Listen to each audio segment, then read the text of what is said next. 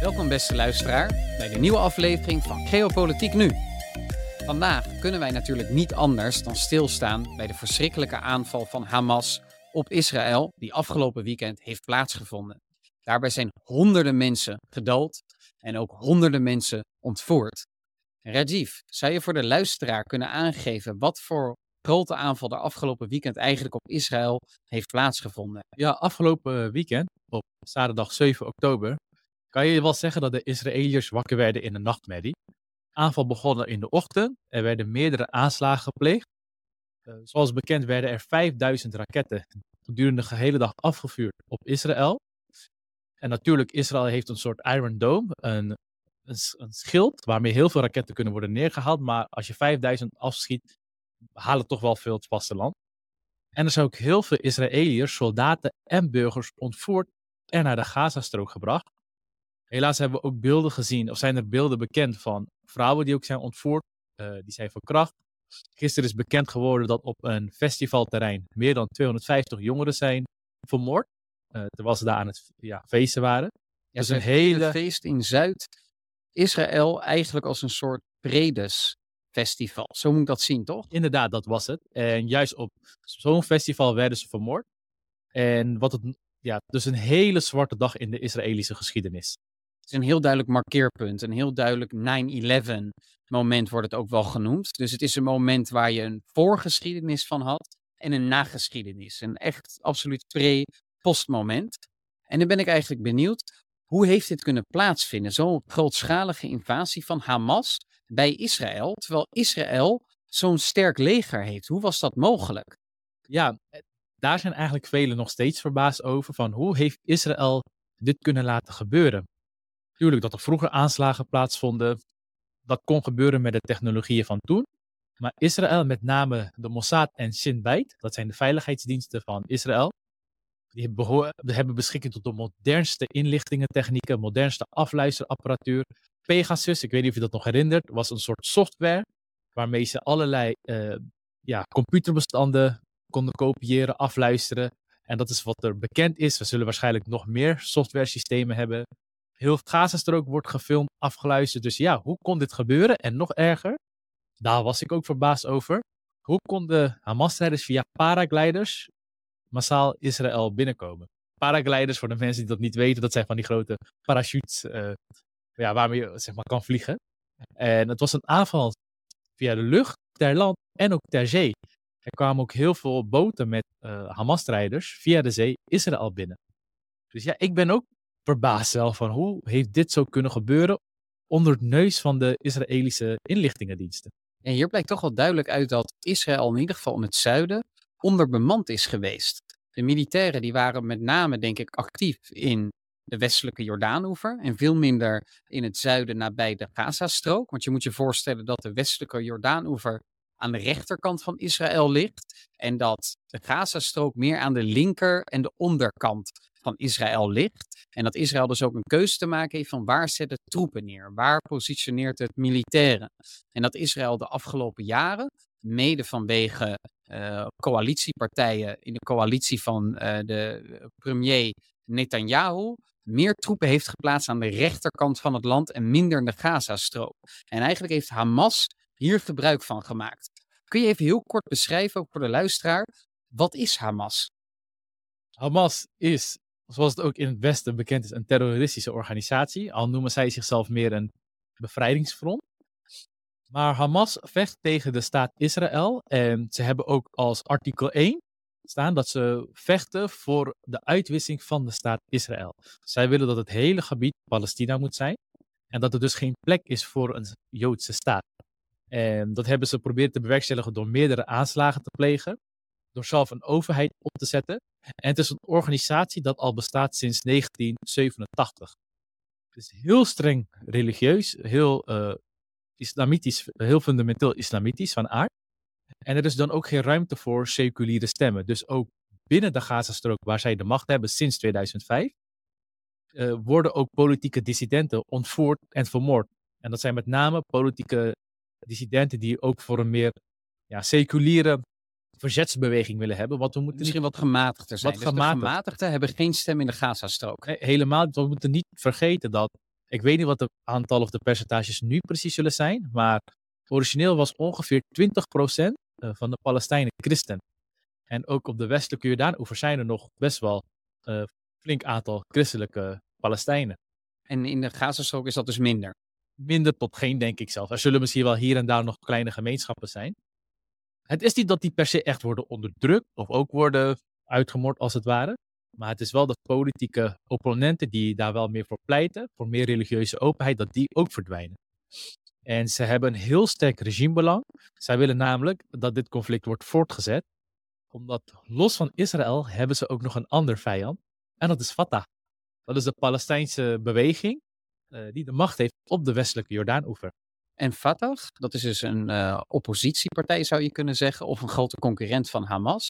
En wat is Fatah voor partij? Fatah, die heeft de, dat is een organisatie en die heeft weer de macht op de westelijke Jordaan-oever. En zij zijn wat meer nationalistisch seculier van aard. Betekent niet dat ze helemaal seculier zijn, misschien zoals het in Nederland gewend zijn. Dus zij, ook zij erkennen de grote rol van de islam binnen de Palestijnse beweging, de Palestijnse gemeenschap. Maar er is wel ruimte voor andere religieën, tot ten eerste. En ten tweede, zij werken ook samen met de Israëlische overheid, vooral op het gebied van uh, ja, security, of het gebied van veiligheid. Ze hebben ook veel kritiek op uh, Israël, ook Mahmoud Abbas, maar ze werken er wel mee samen. En een kleine voorgeschiedenis, dan kunnen we doorgaan. Fatah, als het ware, komen voor uit de PLO. De, in het Engels stond het voor de Palestinian Liberalization Organization van Yasser Arafat. Ik denk dat veel oudere luisteraars die naam wel zullen herkennen. Uh, en ook Fatah komt ook daaruit voor. En later is er een aftakking geweest, Hamas. Oké, dus dan zien we eigenlijk terug dat Hamas zich verzet tegen de Israëlische dominantie. En dat het eigenlijk Israël van de kaart wil wegen. En dat het niet alleen concurreert met Israël, maar ook met Fatah.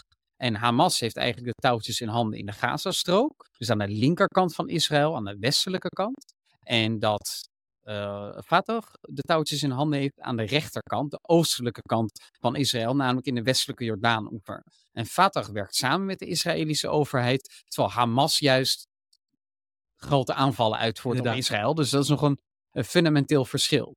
Afgelopen weekend heeft Hamas dus een grote aanval gedaan op Israël, waarbij honderden mensen zijn omgekomen, honderden mensen zijn ontvoerd. En hoe dat mogelijk is geweest, dat vraagt de hele wereld zich eigenlijk af. Want iedereen is altijd onder de indruk van de grote Israëlische militaire macht. De naam van Iran wordt hier heel vaak genoemd. In hoeverre denk jij eigenlijk dat Iran hier een rol in heeft gespeeld, gezien de grootte van deze aanval? Ik denk dat Iran hier een heel grote rol in heeft gespeeld. Het is nog niet bevestigd. Ook de inlichtingendiensten van de Verenigde Staten hebben aangegeven nog geen formeel bewijs te hebben gevonden. Tegelijkertijd heeft Hamas zelf toegegeven dat Iran uh, eigenlijk formeel toestemming gegeven heeft, steun verleend heeft. En weten we natuurlijk in de laatste jaren dat Iran en Hamas steeds hechter samenwerkten. Dus ik denk zelf dat Iran een heel grote rol hierin heeft gespeeld. Dat zij voorbereidingen hebben getroffen, dat zij training hebben gegeven, uh, dat zij wapens hebben verschaft aan Hamas om deze aanval uit te voeren. Dus ik denk echt uh, dat Iran hier een heel grote rol in heeft gespeeld. En Iran heeft natuurlijk ook een motief. Dus ze hebben niet alleen de mogelijkheden, maar ook een motief. En het motief voor Iran is natuurlijk het verzwakken van de aardsvijand Israël. Want Israël en Iran zijn grote aardsvijanden. Sterker nog, het regime van Iran onder het Ayatollah-bewind ontleent ook bijna zijn bestaansrecht aan vijandschap met Israël en de Verenigde Staten. Die zij altijd de grote hond en het kleine uh, duiveltje noemen. Uh, zij denken ook wel eens dat Amerika een, marionet is van Israël. Dus daar zie je duidelijk terug dat er ook een motief is vanuit Iran om Israël te willen verzwakken en Hamas te versterken. Als we nou even verder op ingaan, is heel interessant. Er waren ook geruchten dat er uh, hoge commandanten van Hamas laatst in Beirut, de hoofdstad van Libanon, waren, noorden van Israël. Om daar samen met de commandanten van de Iraanse revolutionaire garde, het hoogste militaire orgaan, te praten over deze operatie en zelfs misschien om toestemming te vragen. Denk je ook dat het zo is gegaan? Echt tot ja, die gerucht, niveau? Ja, die gerucht heb ik ook gelezen dat er precies een week geleden, dus maandag 2 oktober, formeel toestemming gegeven is door de Iraanse revolutionaire garde aan Hamas uh, om deze aanval uit te voeren. En dat ook Hezbollah-strijders daarbij betrokken waren. Even heel kort, Hezbollah, dat is een soort militante beweging in Libanon. En dat ligt aan de bovenkant van Israël, dus in het noorden. En op dit moment hebben we alleen in het zuiden conflicten gezien uh, en de aanval van Hamas zien plaatsvinden. En nu op dit moment is natuurlijk gaande de wraak van Israël. Uh, maar ook in het noorden waren er schermutselingen tussen Hezbollah-strijders en Israël. Maar daar moet wel bij gezegd worden dat deze alleen plaatsvonden op betwist gebied. Niet op formeel Israëlisch grondgebied. Dus dat geeft nog wel aan dat de escalatie daar nog niet volledig is. Is dat wel het geval, dan heeft Iran uiteindelijk al zijn militante groeperingen, Hamas en Hezbollah, ingezet om Israël te verzwakken en aan te vallen. Maar als we dan even verder ingaan op de rol van Iran. Uh, Iran geeft officieel aan dat ze achter de aanslagen staan. En ze vernoemen hen ook strijders. Maar ze geven zelf ook aan dat zij hier niks mee te maken hebben. Nou, veel deskundigen ook, wij denken zelf dat Iran er wel wat mee te maken heeft. Maar Iran doet zich voor als de leider van de Shiïtische wereld. En steunt daar waar het kan ook Shiïtische groeperingen. Hezbollah is ook een Shiïtische groepering. Hamas is heel sterk Soenitisch. Hoe komt het dat ze dan toch zo heel goed met elkaar samenwerken? Dat is dan niet in, staat niet in conflict met elkaar? Ja, zo zie je eigenlijk dat uiteindelijk belangen heel vaak toch wel belangrijker zijn dan religieuze identiteiten. En dat het belang van Hamas om Israël te beschadigen en te verzwakken voor Iran belangrijker is dan de ideologische Sjiitische strijd. En het is wel interessant dat je dit vraagt natuurlijk, want van oudsher uh, werd Hamas vooral gesteund door de Arabische wereld. Denk bijvoorbeeld aan Saudi-Arabië. Maar op een gegeven moment heeft Saudi-Arabië de steun ingetrokken voor de moslimbroederschap en tegelijkertijd ook de steun ingetrokken voor Hamas omdat zij dat uiteindelijk als de grote concurrenten zagen. En in de Arabische wereld is er de afgelopen decennia ook wel echt ergernis ontstaan over het Hamas-leiderschap. Dat maar weigerde vredesakkoorden te ondertekenen. Dat alleen maar verviel in aanslagen plegen. En dat het het regimebelang diende in plaats van het Palestijnse belang. En we zien nu ook terug dat het regimebelang van Saudi-Arabië eigenlijk sterker lag bij normalisatie van de relatie met Israël. Dus dat betekent dat Saoedi-Arabië Israël zou herkennen.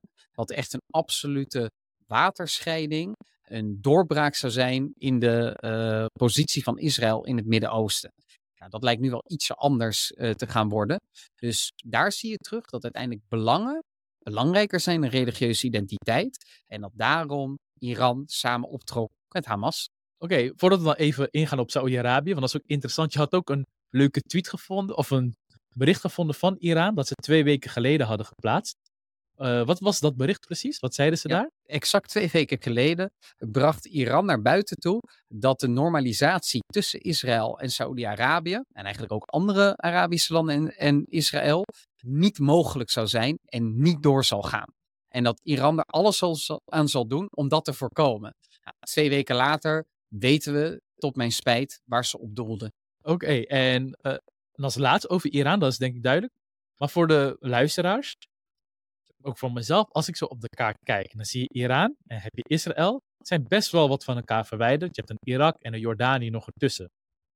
En waarom is het zo in het belang van het regime van Iran, dus van de Ayatollah, om zo tekeer te gaan tegen Israël? Om zo te dreigen tegen Israël? Wat, ja, waar winnen zij? Wat winnen zij daaraan? Ja, wat winnen zij hiermee? Dat is denk ik een heel goede vraag.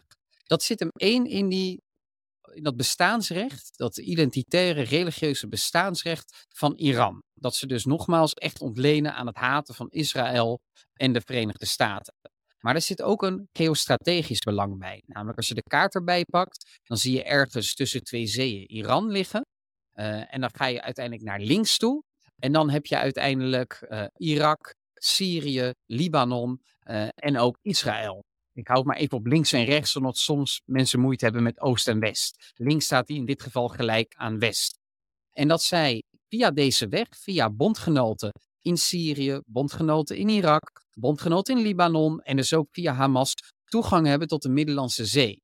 En er wordt ook wel een soort halve maan genoemd, omdat het natuurlijk een soort islamitisch symbool is, de maan. Daarom zie je ook de halve maan of de hele maan heel vaak terug in uh, vlaggen van islamitische landen.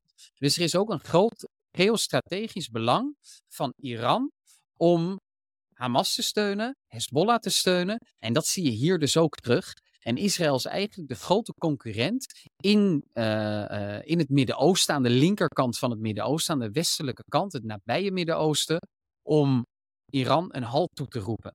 Dus dat speelt hier denk ik ook een heel belangrijke rol in. Verder uh, denk ik zelf dat het belang van Iran ook zit in het feit dat in de afgelopen maanden en jaren Israël via Azerbeidzjan is opgetrokken aan de grens met Iran. Beluister hiervoor vooral ook de podcast die we vorige week hebben gepubliceerd.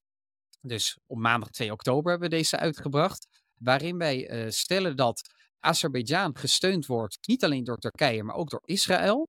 En dat zij daarmee Armenië hebben aangevallen. En Azerbeidzjan en Armenië liggen eigenlijk aan de bovenkant van Iran, aan de noordkant.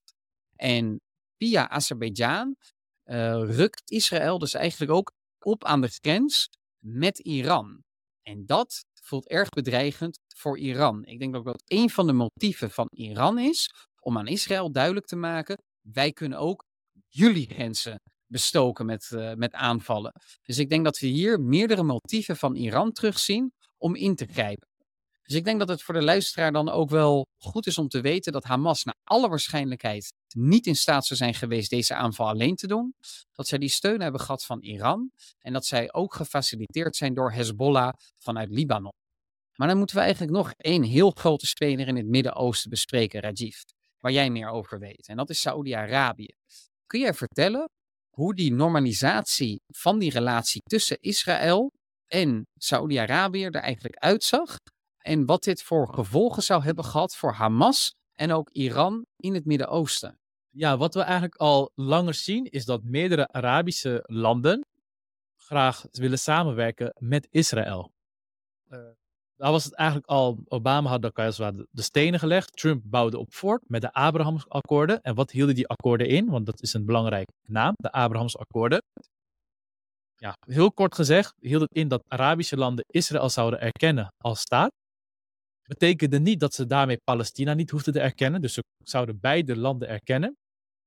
En ze zouden dus ook de weg openmaken voor verdere economische en diplomatieke samenwerking met Israël.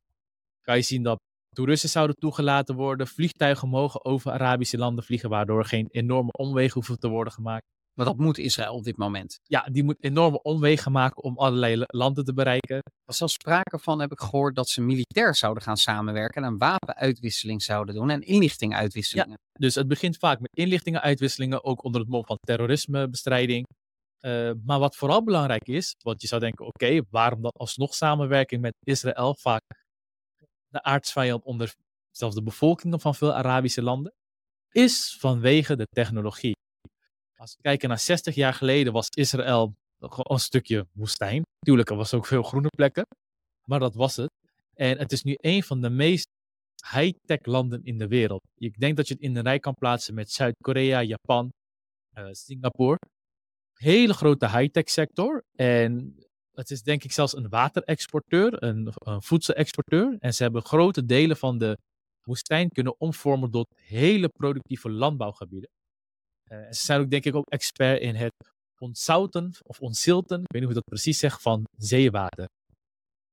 Nou, de Arabische landen, die hebben ten eerste een bevolking dat nog steeds enorm aan het groeien is. De Egyptische bevolking gaat naar de 170 miljoen.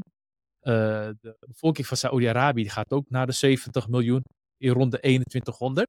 Die hebben op dit moment 30 miljoen. Die hebben 30 miljoen, dus die gaan verdubbelen. En dat zien we eigenlijk bijna in al de Arabische landen, dat de bevolking tegen het verdubbelen aanzit uh, rond het jaar 2080, 2100. En dat er een waterschaarste is. Ja, dat is één. En twee, klimaatverandering. En dat zorgt voor onder andere waterschaarste. Uh, en bodemdegradatie. Dus het woestijn rukt steeds verder op. Ja, dus bodemdegradatie betekent dat de bodem eigenlijk steeds minder landbouwgewassen kan produceren. Inderdaad. En welk land in de regio en misschien zelfs de wereld, naar Nederland zou ik kunnen zeggen, maar ja, dat is even mijn bias naar Nederland toe, is hier expert in. Dat is Israël. Ze zijn expert in het uh, verbeteren van de bodemkwaliteit, in het verbeteren van de waterkwaliteit. Uh, en in andere high-tech sectoren, wat in de toekomst steeds belangrijker wordt, vooral met 5G en artificial intelligence, hebben we ook een keer een podcast over gehad, speelt Israël ook een heel belangrijke rol in. Ja, en al die Arabische landen, ook al de regimes van die landen, die zien ook zoiets van, ja, ook willen wij zelf overleven en hoofd kunnen bieden aan al deze uitdagingen, dan moeten we samenwerken met Israël. En Israël biedt het ook zelf aan. We willen graag ook met jullie samenwerken. Uh, en ook vandaar dat Saoedi-Arabië ook steeds meer de samenwerking opzoekt met Israël. Want zij hebben ook die technologieën nodig. Dus er is een duidelijk regimebelang in Saoedi-Arabië en andere Arabische landen om samen te werken met Israël. Dat heeft te maken met allerlei soorten technologieën, toegang tot landbouwtechnieken, waterschaarste tegengaan, zodat die regimes uiteindelijk kunnen overleven. Maar je gaf ook aan dat op bevolkingsniveau, dus wat vindt de gemiddelde Saoedi, wat vindt de gemiddelde Algerijn, wat vindt de gemiddelde Marokkaan, de gemiddelde Egyptenaar, dat Israël toch wel als aardsvijand gezien wordt. Dus het is, kan ik me voorstellen, ook voor het Saoedische regime heel moeilijk om die banden te normaliseren, terwijl ook de bevolking rustig blijft. Ja, maar dat is wel iets interessants, als ik even mag inhaken. Ook onder de jongeren van de andere Arabische landen weet ik dat eerlijk gezegd nog niet zo goed. Maar wat ik me heb voorbereid uh, en gekeken naar de Saoedische bevolking, zie je dat ook daarbij de jongeren, want Saudi-Arabië heeft een hele jonge bevolking. Ik dacht rond de 70% is onder de 30, dus echt een jonge bevolking. Ja.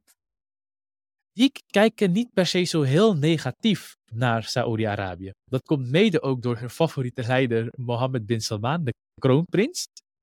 Uh, dat is de kroonprins van Saudi-Arabië, de leider van het land. Inderdaad, de kroonprins van Saudi-Arabië. Uh, die heeft een pad ingeslagen van modernisering van Saudi-Arabië, natuurlijk in hun tempo. Allerlei megaprojecten van NEOM tot de lijn. Uh, die wil graag echt een mooie toekomst bieden voor de Saudische jeugd. Ja, daarvoor hebben ze Saudische technologie nodig en veel ja, Saudische jongeren. Technologie. Israëlische, sorry, Israëlische technologie. En veel Saudische jongeren, met name de hoogopgeleide Saudische jongeren, die zien ook in ja, we hebben gewoon een samenwerking met Israël nodig.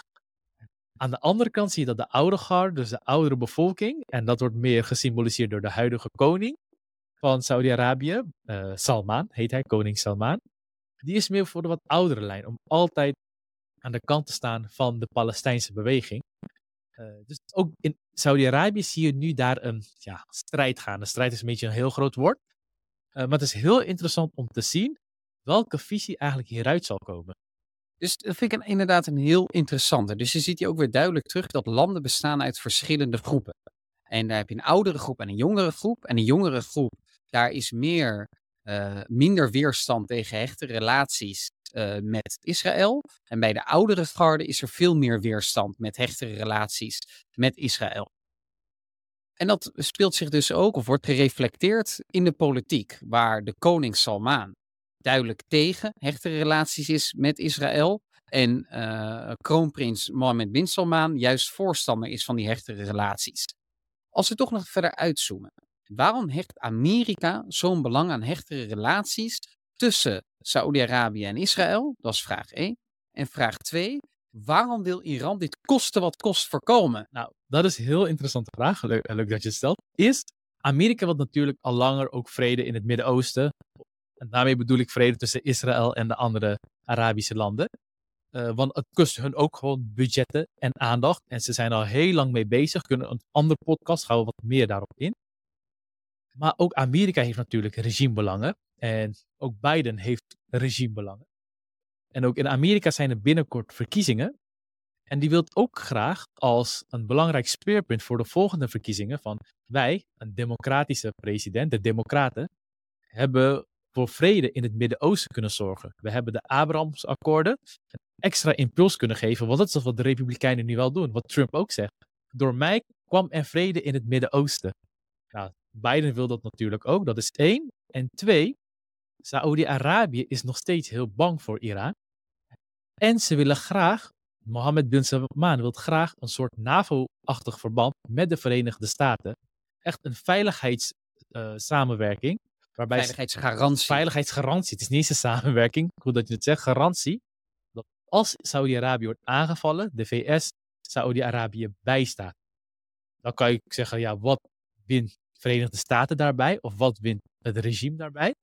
Er zijn geruchten, en daar moeten wij het vaak mee doen, journalisten en podcasters, dat Saudi-Arabië daar tegenover Israël zou erkennen. Dat kan beide mooi meenemen en ook voor het Amerikaans ja, landsbelang, zouden ze ook beloven dat ze de olieproductie structureel hoog zouden houden. En dus dat niet nu Blinken of de minister, Amerikaanse minister van Buitenlandse Zaken om de zoveel tijd weer naar Saoedi-Arabië moet gaan om te zeggen, willen jullie olieproductie hoog houden? Maar meer, wij houden het hoog en wij zouden ook binnen OPEC ook pleiten voor een hoge olieproductie. Misschien zelfs ook voor petrodollarbetalingen, dat dat ook weer wordt terugbetaald. Een meer pro-Amerikaanse stem in de BRICS, hebben we ook over gehad. Uh, dus het zijn best wel een aantal zaken dat Saudi-Arabië aan Amerika kan bieden. En daar is Iran heel erg bang voor. Dus heel duidelijk voor Saudi-Arabië is er een belang om hechte relaties te hebben met Israël. Israël is dat belang ook helder, voor Amerika ook. Waarom is Iran hier zo bang voor? Iran is bang dat als het gebeurt, is Iran eigenlijk geostrategisch helemaal omsingeld. Je gaf het net al aan over met het rode halve, of de, rode, de halve maan verhaal. Dat Iran een, eigenlijk op geostrategische punten in het Midden-Oosten zijn uh, invloed wil hebben. Ja, en als dit doorgaat, deze strategische samenwerking tussen Israël, Saoedi-Arabië en Amerika, en waarschijnlijk zal de Verenigde Arabische Emiraten daar ook mee aan doen, dan zul je zien dat Iran zijn invloed in het Midden-Oosten steeds meer en meer zal verliezen. Dat zal één op één gebeuren. En daar zijn zij doodsbang over, ja. Okay, dat dus gaat ook gebeuren als dit plan doorgaat. En als dat plan doorgaat, maar dan is nu natuurlijk de vraag, kan Saoedi-Arabië op dit moment, terwijl Israël grote aanvallen uitvoert op de Gazastrook, de banden met Israël normaliseren? Wat is jouw inschatting? Kan dit nu nog doorgaan? Uh, ik ga heel eerlijk zijn, gisteren dacht ik, het gaat door. Natuurlijk, de onderhandelingen zullen even worden stopgezet. En dat hadden we ook gelezen. Dat had ik zelf ook verwacht. We gaan het stopzetten en waarschijnlijk over een jaar of twee zal het weer worden hervat. Maar ik denk dat de tegenaanval van Israël zo stevig zal zijn. Sommigen noemen het zelfs disproportioneel stevig. En ik las net ook dat de minister van Buitenland, de minister van Defensie van Israël heeft aangegeven dat ze, of die zei letterlijk, we hebben te maken met beesten en we zullen ook zo daarna gaan handelen. Ze hebben... En dus concreet, gas wordt afgesloten, water wordt afgesloten, voedseltoeleveranties worden afgesloten. Inderdaad. Ik denk dat Saudi-Arabië niet gewoon kan doorgaan van business as usual. Vooral niet omdat Saudi-Arabië. voor de publieke opinie misschien ook wel. Ja, voor de publieke opinie, maar ook voor invloed in de islamitische wereld. Want Saudi-Arabië doet zich al heel lang voor als de leider van de islamitische wereld. Ze hebben immers Mekka. Ze hebben Mekka, maar ook, het heeft ook heel veel invloed via de moskeeën en dergelijke. Ja, als Saudi-Arabië doorgaat, dan zullen de onderstromen in de rest van de islamitische wereld zo groot worden dat ze uiteindelijk aan invloed zullen verliezen. Daar hebben we het vaker over gehad. Je moet rekening houden met onderstromen. En ik denk dat een Mohammed bin Salman dat ook doet. En dit zou echt zo'n moment kunnen zijn dat een onderstroom kan verworden tot bovenstroom en dat daarmee Saudi-Arabië aan invloed zou kunnen verliezen. Ja. Tegelijkertijd zijn de kaarten van met name de Verenigde Staten naar Saudi-Arabië toe wel erg sterk. Want Saudi-Arabië wil natuurlijk heel graag die veiligheidsgaranties hebben. Uh, en tegelijkertijd kan Amerika die ook echt bieden als geen ander land in de wereld. En dat zijn natuurlijk wel de speelkaarten die de VS kan inzetten. Ik wil nu nog ietsje verder uitzoomen in het slot van, uh, van deze aflevering. Beste luisteraar, ik wil u ook van harte oproepen dat mocht u dit interessant vinden, abonneer je dan. En laat vooral ook even een leuke reactie achter. Maar dan even terug nog naar uh, het uitzoomen op de wereld. Want de, de, wereld bestaat uit meer dan alleen Israël, Iran en Saudi-Arabië. Hoe hebben andere landen in de wereld gereageerd? Bijvoorbeeld India. Ja, wat interessant was aan India. India heeft gelijk in de eerste uren uh, dit betreurd en ook gezegd: dit kan niet, dit is een terroristische aanval gepleegd door terroristen. Rechtstreeks vanuit de Twitter-account van premier Modi. En wat daar zo interessant aan is, is dat in het verleden de Indiase overheid, met name onder congresregeringen, de linkse regeringen in India, Hamas als militanten bestempelde. En dan kan je denken, ja, wat is dat nou het verschil? Nou, in de diplomatie doen woorden er heel erg toe. En vooral wat voor type je woorden je kiest. Iemand een militant noemen is een veel lichtere aard dan iemand een terrorist noemen. En dit past geheel in de lijn wat Modi al vanaf zijn aanstelling 2014 heeft ingezet, namelijk veel hechtere relaties met Israël. En ook Netanyahu, de premier van Israël, die noemt India ook de Amerika in het oosten. Uh, dus dat past geheel in lijn daarbij. En ik denk dat denk ik zelf hoor, dat dit ook een beetje door de BJP in de verkiezingen zal worden gebruikt. Die volgend jaar in India zullen plaatsvinden. Van ook voor ons in India. Dit gebeurt er als je even de teugels laat vieren.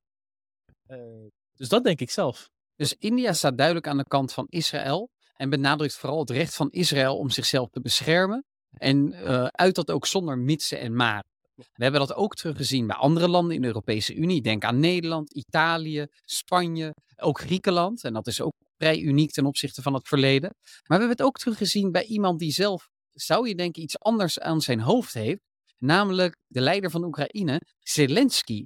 Waarom heeft Zelensky zo uitgesproken dat hij achter Israël staat in zijn recht om zichzelf te beschermen? Ja, wat daar het interessante aan is, een kleine voorgeschiedenis is wel belangrijk, is toen Oekraïne werd binnengevallen, februari 2022. Natuurlijk, heel veel westerse leiders gingen gelijk steun aanbieden voor Oekraïne, maar Israël lange tijd niet, eigenlijk tot nu toe niet. En Zelensky was daar best wel geïrriteerd uh, over van, ja, wij vechten een oorlog om ons voortbestaan en we krijgen niks vanuit Israël te horen. Het was lange tijd heel stil.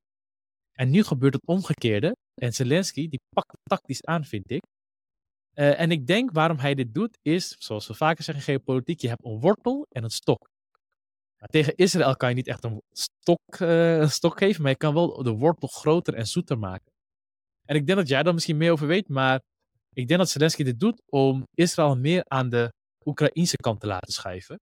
Maar je had het ook een tijdje over dat er een Rusland-Iran-as zou plaatsvinden. Hoe past dit dan daarin? Ja, dat is in mijn optiek wel heel duidelijk het geval. Eigenlijk zie je van oudsher al dat de westerse wereld hechter samenwerken met de Soenitische wereld. En dat Rusland of de Sovjet-Unie hechter samenwerken met de Sjiitische wereld. En dat zien we vandaag ook terug, dat Rusland en Iran eigenlijk op elkaar aangewezen zijn.